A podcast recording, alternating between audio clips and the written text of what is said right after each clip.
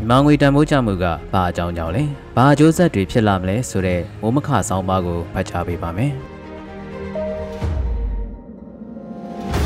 မြန်မာကျပ်ငွေတန်ဖိုးဟာယမန်နှစ်ဩဂုတ်လ31ရက်နေ့ကတဒေါ်လာ1625ကျပ်သာရှိခဲ့ရမှာစက်တင်ဘာဒီဒေးခေါ်ခဲ့တဲ့ကြီးညာချက်ပြီးနောက်မှာနိုင်ငံရေးအကြောင်းပြုပြီးတဒေါ်လာကျပ်2000ကျော်ထိမြင့်တက်ခဲ့တာဖြစ်ပါတယ်။ စက်တင်ဘာလထဲအမြင့်ဆုံးနေ့ရက်တွေမှာတော့တဒေါ်လာကျပ်2500ကနေ2900အထိရှိခဲ့ပြီးအဲ့ဒီနောက်ပြန်ကျဆင်းခဲ့ကကျပ်2000အောက်ပြန်ရောက်ခဲ့တာဖြစ်ပါတယ်။ယမန်နှစ်စစ်ကောင်စီအာဏာသိမ်းပြီးကစားကနေနှစ်ကုန်တဲ့အထိဂျိုကြားဂျိုကြားဗဟိုဘဏ်ကဒေါ်လာထုတ်ရောင်းတာတွေလုပ်ပြီးဈေးနှုန်းကိုထိန်းဖို့စ조사ခဲ့တာတွေ့ရပါတယ်။နိုင်ငံသားငွေလဲလှယ်ခွင့်ရတဲ့ဘဏ်တွေကိုရောင်းချပေးတာဖြစ်ပြီး ဘယ်ဘဏ်တွေကဘလောက်ဝယ်ယူခွင့်ရတယ်လဲဆိုတဲ့ဂိမ်းကနန်းအချက်လက်တွေကိုတော့ထုတ်ပြန်တာမျိုးတိတိပပမရှိပါဘူး။သို့ပေမဲ့ယခုနှစ်ဆန်းပြီးနောက်ဧပြီလမှာတော့ဗဟိုဘဏ်အနေနဲ့ဒေါ်လာထုတ်ရောင်းဖို့အစားသွင်းကုန်လုပ်ငန်းပါဝင်အခြားသောနည်းလမ်းတွေနဲ့ရရှိတဲ့ပြည်ပကဝင်လာတဲ့ဒေါ်လာတွေနဲ့နိုင်ငံခြားငွေတွေကိုဈေးနှုန်းတစ်ခုပြီးတစ်ခုသတ်မှတ်ပြီး24နာရီတွင်မြန်မာငွေနဲ့လဲလှယ်ဖို့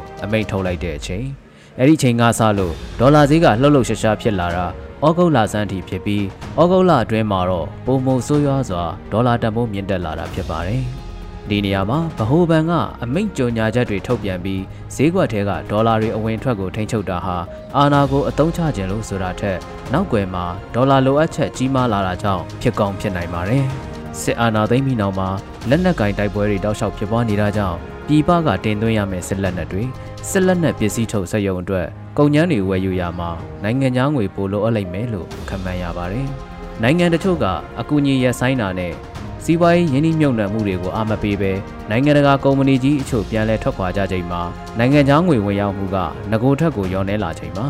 ပြည်တွင်းအတွက်လိုအပ်ချက်ကမြင့်တက်လာတာဖြစ်ပြီးဒေါ်လာဈေးကတက်ဖို့အတွက်အကြောင်းအရင်းတွေလုံလောက်နေတာဖြစ်ပါတယ်။သို့ပေမဲ့ ခုလောက်တရက်ကိုကျပ်900ကနေ900အထိမကြုံဘူးလောက်တဲ့နှုံးနေနဲ့ပြီးခဲ့တဲ့သတင်းတစ်ပတ်တွေအတွင်းခုန်တက်နေရတဲ့အကြောင်းကတော့အထက်ကနိုင်ငံရေးစီးပွားရေးအကြောင်းချက်တွေတသက်တင်မကတော့ပဲဈေးကွက်အပြောင်းလဲမြန်ဆန်လွန်းတဲ့အချိန်ဟုန်မှာဝင်ရောက်ဈေးကစားကြတဲ့အကြောင်းတွေလည်းပါကောင်းပါနိုင်ပါတယ်။ဒေါ်လာဈေးနှုန်းကြုံဘူးလောက်အောင်တက်တာကြောင့်ဘယ်သူတွေထိကြိုက်မလဲလို့တွေးကြည့်ရင်လောင်စာစီသုံးစွဲနေရသူအလုံးထိကြိုက်နိုင်ပါတယ်။နိုင်ငံခြားဈေးဝမိဝဲနေရသူတွေအားလုံးဈေးနှုန်းကြီးမြင့်တဲ့တန်ကိုခံစားကြရပါတယ်။ အလားတူစောင်းစီဈေးမြင့်တက်တာပြည်ပကတွင်းရတဲ့ဓာတ်မြေဩဇာဈေးမြင့်တက်တာကြောင့်စိုက်ပျိုးစရိတ်တွေမြင့်တက်ပြီးနေစဉ်စားသောက်ကုန်ပစ္စည်းတွေဖြစ်တဲ့ဆန်၊ကြက်သွန်၊ပဲစတာတွေပါမြင့်တက်နေစေမှာဖြစ်ပါတယ်။ခုရအတွင်းလက်လီဈေးကွက်မှာကြက်သွန်ဒီတပိတ်တာ3500ကျပ်နဲ့ကြက်သွန်မြူတပိတ်တာ9000ကျပ်ရောင်းချနေကြတာဖြစ်ပါတယ်။ကြက်ဥဘဲဥလဲဈေးနှုန်းတွေမြင့်တက်ကုန်ပြီး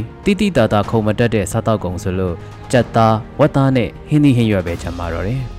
လက်ခစားလောက်ခစားအလုပ်သမားတွေ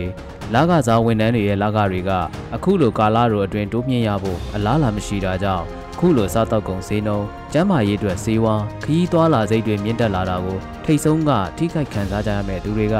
နေစားအလုပ်သမားတွေနယ်ကျေးလက်တွေမှာနေထိုင်သူတွေပဲဖြစ်ကြပါတယ်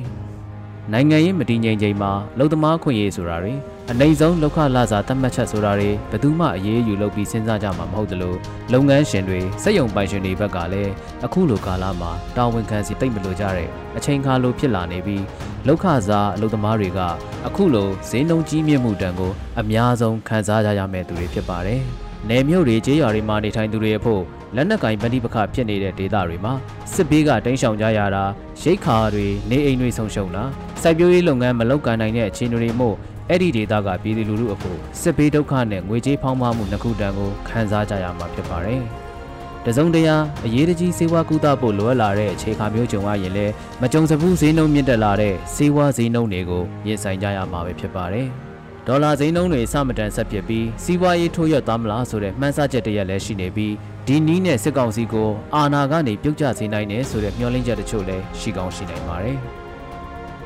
လူတွေအခက်အခဲကြက်တဲကြုံလာပြီးအားလုံးလမ်းပေါ်ထွက်လာကြကတီရိလင်္ကာနိုင်ငံမှာတမရကိုနိုင်ငံကထွက်သွားအောင်ဖိအားပေးခဲ့နိုင်တာမျိုးတွေးကောင်းတွေးကြပါလိမ့်မယ်။မတူညီတာကတော့တီရိလင်္ကာနိုင်ငံဟာလက်စားတဲ့တမရနဲ့သူ့ရဲ့စင်မျိုးသွားခြင်းတွေကိုယာဒူးကဖယ်ရှားဖို့ဥတီကြတာဖြစ်ပြီးမြန်မာနိုင်ငံကတော့နိုင်ငံရေးမှာပါဝင်နေတဲ့စစ်တပ်တစ်ခုလုံးကိုဖယ်ရှားရမယ့်အနေအထားဖြစ်ပါတယ်။တီရိလင်္ကာမှာတော့တမရကတိုင်းပြည်ကထွက်သွားတဲ့အချိန် လူတို့ရဲ့ဖိအားပေးမှုကအောင်ပွဲခံခဲ့တာဖြစ်ပါတယ်။မြန်မာနိုင်ငံအနေနဲ့တော့နယ်ပယ်သီးသီးမှာခြေစိုက်ထားတဲ့စစ်တပ်ရဲ့နိုင်ငံရေးအာဏာမှာဝင်ရောက်ဆက်ဖက်မှုတွေကိုဖယ်ရှားဖို့နှုတ်ယူဖို့တာဝန်ကဆွေမျိုးတစုလူတစုရဲ့နိုင်ငံရေးအာဏာကိုဖယ်ရှားရေးထက်ပိုပြီးတော့ခက်ခဲလိုက်မှာဖြစ်ပါတယ်ညာ။